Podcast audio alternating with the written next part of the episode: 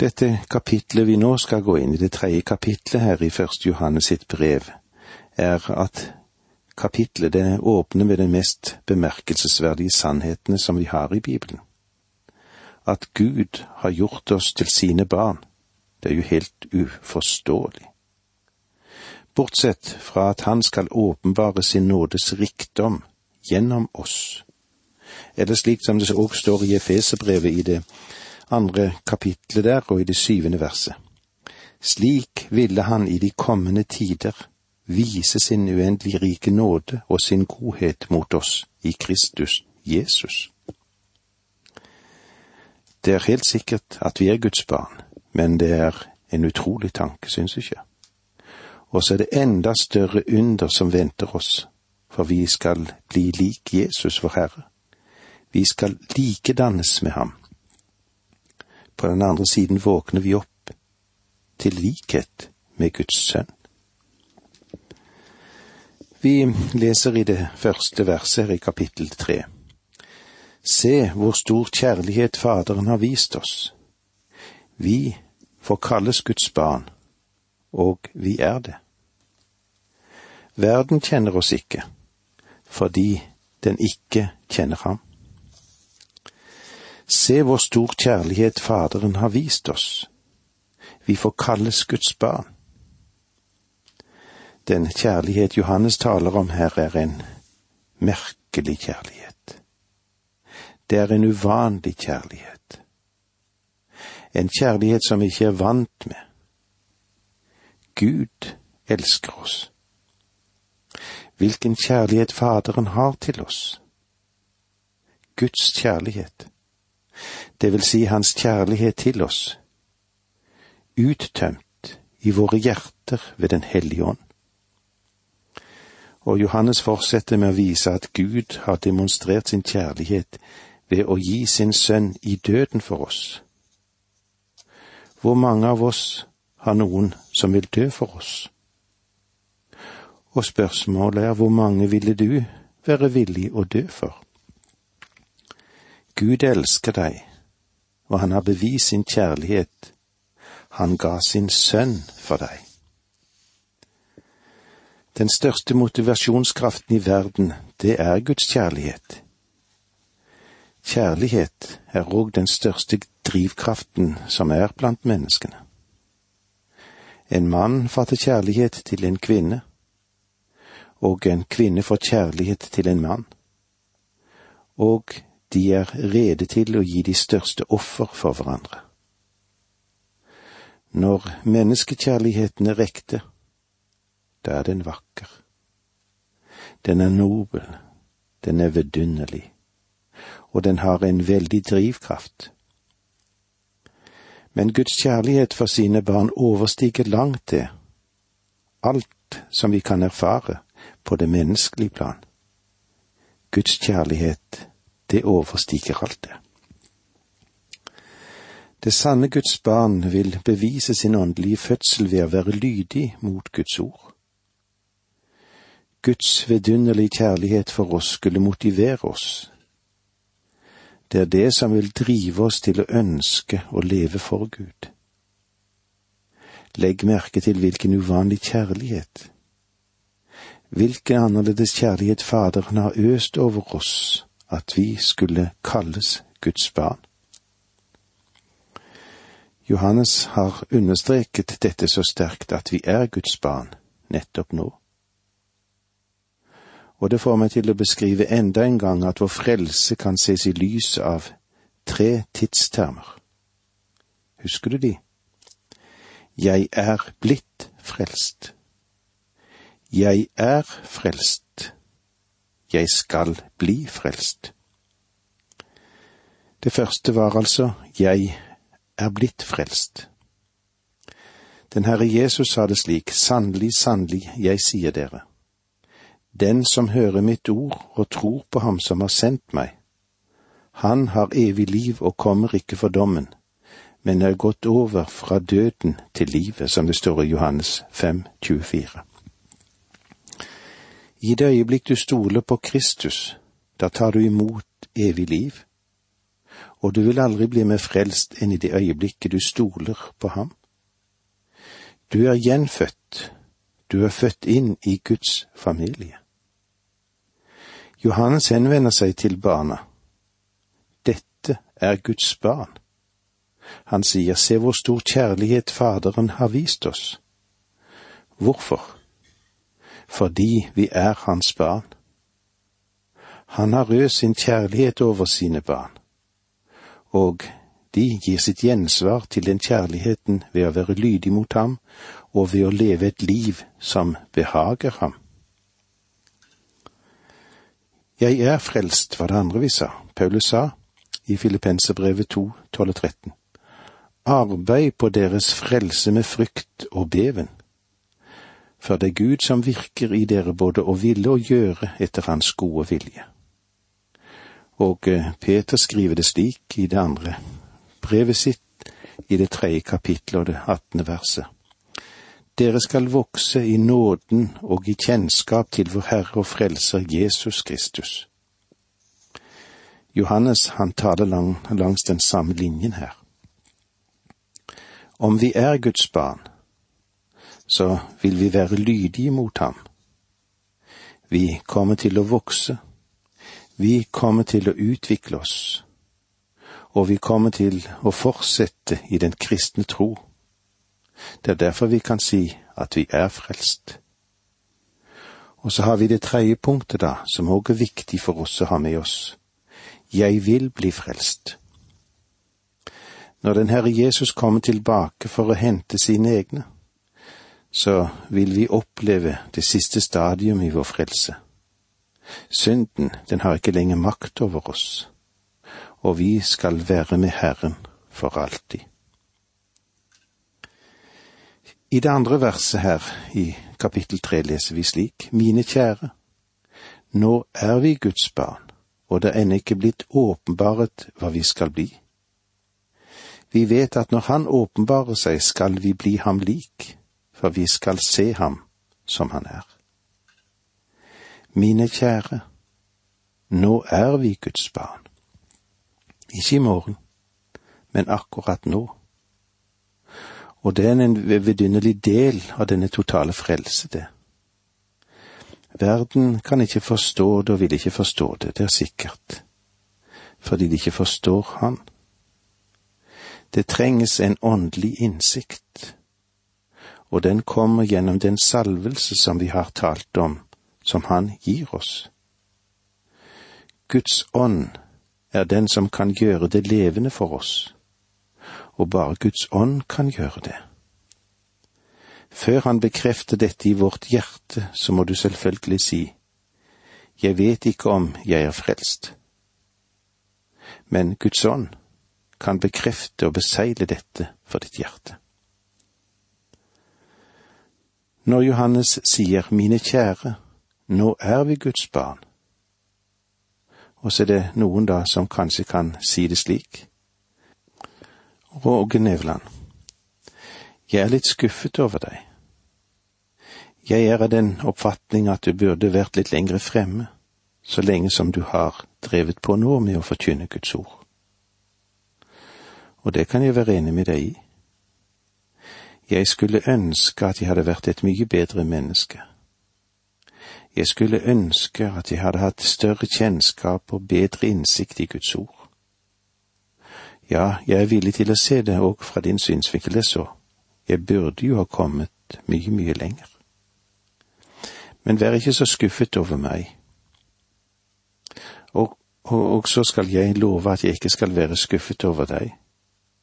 For sannheten er, det er ennå ikke blitt åpenbart hva vi skal bli. Vi vet at når Han åpenbarer seg, skal vi bli ham lik.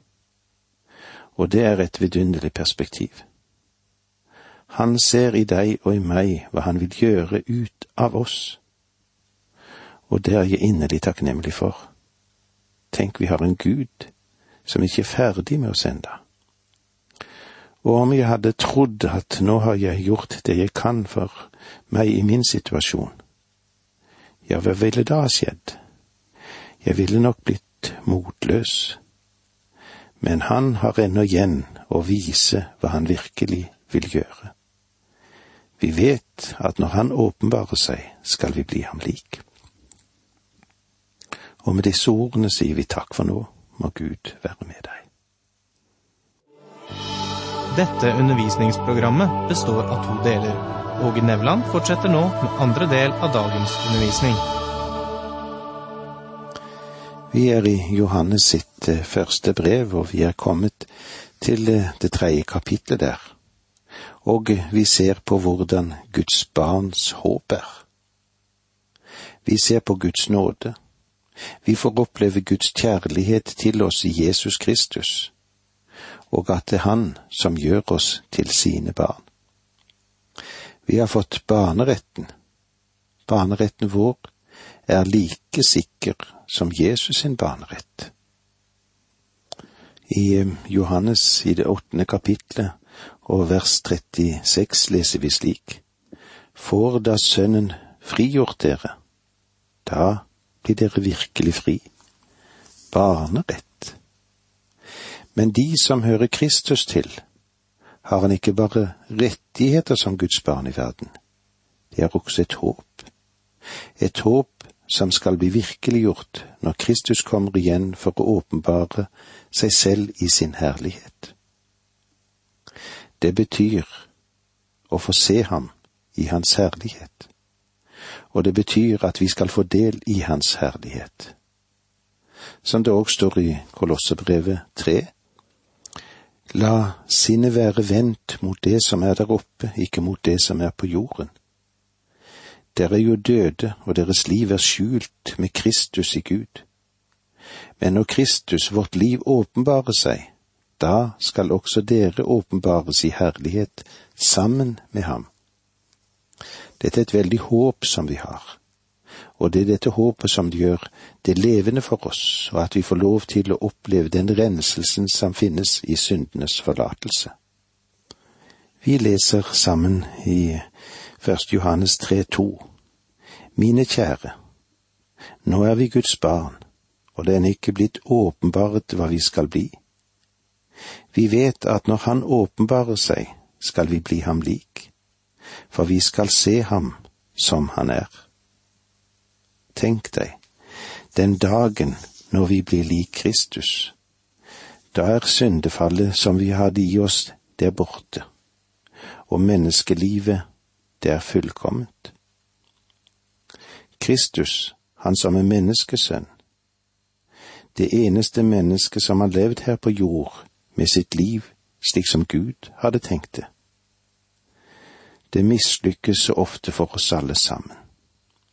Synd og Satan herjer med oss og fører oss inn i ondskap og vannmakt. Men hvert menneske som ikke er blitt ett med synden, lider under trelldom og skyld. Utover den hele klode så høres det sterke sukk fra de som sliter med sine vanskeligheter, enten de sitter i fengsel, eller om de har det vanskelig vondt på mange andre områder. De lengter kanskje etter frihet og lykke. Noen prøver å si til seg selv og til andre at de eier frihet, at de eier glede, men så lykkes dette så dårlig i lengden. I livets harde virkelighet stikker sannheten frem. På bånd i våre hjerter, som vi er som mennesker, så er det ulykkelig, inntil det blir åpenbart hva vi har i Jesus. Det var til oss syndere Jesus kom. Han steg ned, ned i våre kår, i vår situasjon. Og så viste han oss sin grenseløse kjærlighet. Og med dette så sprengte han òg Satan sine lenker. Og nå roper han ut et nådens og frihetens kår og år for oss alle sammen. Alle som har fått se ham som forsoneren, har fått del i denne mektige frelse. Det har blitt til den største opplevelse, det, for menneskeslekten. Men det vi har vært innom her, er en frelse for å bli frelste. Vi er ikke lik ham ennå. Mange prøver kanskje på å tro at de er det. Men det sier ikke Bibelen oss, og heller ikke når vi ser inn i erfaringen at det kan gi noen rett. Også frelste syndere sukker etter barnekår som venter oss på den andre siden. Der skal vi bli ham lik, sier ordet. Der er målet nådd, både for frelsen og for menneskelivet.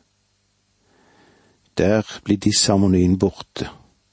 Her blir det en evig harmoni. Der vil lovsangen lyde i evige tider. Mine kjære, nå er vi Guds barn og det er ennå ikke blitt åpenbaret hva vi skal bli. Vi vet at når Han åpenbarer seg, skal vi bli ham lik, for vi skal se ham som han er. Det fortelles at en svær marmorblokk, ja, den ble dratt frem for den store kunstneren Michelangelo. Han gikk rundt den store blokken. Han så på den fra alle kanter, og så sier han, er den ikke skjønn? Er det ikke en vakker marmorblokk? En av hans hjelpere som var der, sa vel, jeg ser jo at det er en svær marmorblokk, og den kan jo være vakker i seg selv, men er det alt? Kunstneren utbrøt. Unnskyld at jeg glemte å si det. Du ser ikke det jeg ser. Jeg ser en statue av David her. Og hans hjelpe måtte slukøret svare. Vel, den kan ikke jeg se. Kunstneren svarte. Og det skyldes at den nå er i min tanke, men jeg skal oversette den inn i denne marmorblokken. Og eh, det var det han gjorde. Han forvandlet denne marmorblokken til å bli en kunststatue. Gud sier, Dere står ikke nå frem som dere en gang skal bli. Han ser, og han vet, hva vi en dag skal bli. Vi kan bli motløse når vi ser på oss selv og på hverandre slik som vi nå er. Men Gud ser på oss som det vi skal bli når Han åpenbarer seg og når vi skal bli ham lik. Er ikke det ganske fantastisk perspektiv? Ser du det for deg? Vi skal bli ham lik, for vi skal se ham som han er. Vi skal se den herliggjorte Kristus. Vi skal ikke være ensartet med ham, men eh, det vi skal, vi skal jo bli ham lik ut fra våre egne forutsetninger. Og eh, det betyr ikke at vi skal bare bli noen sånne små roboter eller noen duplikater. Det har ikke noe med dette å gjøre i det hele tatt. Vi skal bli ham lik, men med våre egne personligheter, vårt eget jeg. Han vil aldri ødelegge personen Åge Nevland. Hvorfor skulle han skape meg som en original på denne jord, for så la meg oppstå som en kopi i himmelen? Han vil heller ikke ødelegge den personligheten som du er, men han skal føre den frem til sitt fulle mål. Det endelige mål der du skal bli ham lik. Ikke identisk med ham, men lik ham. Det vil bli en vidunderlig himmel der vi skal elske hver eneste en av et helt og rent hjerte. Han kan jo bli begeistret ved selve tanken. Men det mest vidunderlige med himmelen for min del er at alle som kommer dit, de vil elske meg også. Tenk det. Og det kommer til å bli en veldig forandring. Og det ser jeg virkelig frem til, og det håper at også du gjør. Mine kjære, nå er vi Guds barn, og det er ennå ikke blitt åpenbaret hva vi skal bli. Vi vet at når Han åpenbarer seg, skal vi bli ham lik, for vi skal se ham som han er. Dette er ennå en mektig stimulans for kristenlivet, dette. Og jeg kjenner ikke til noe mer frydefullt enn dette. Vers tre i dette kapitlet, kapittel tre. Enhver som har dette håp til ham, renser seg, like som Kristus er ren. Om du tror at Jesus en dag kommer igjen, og at du en dag skal bli lik ham, så vil det være en drivkraft til å leve et rent liv her nede. For meg så finnes det ikke noe mer stimulerende enn dette for et hellig liv. Den fulle herlighet som finnes i vårt liv, er ikke åpenbart ennå.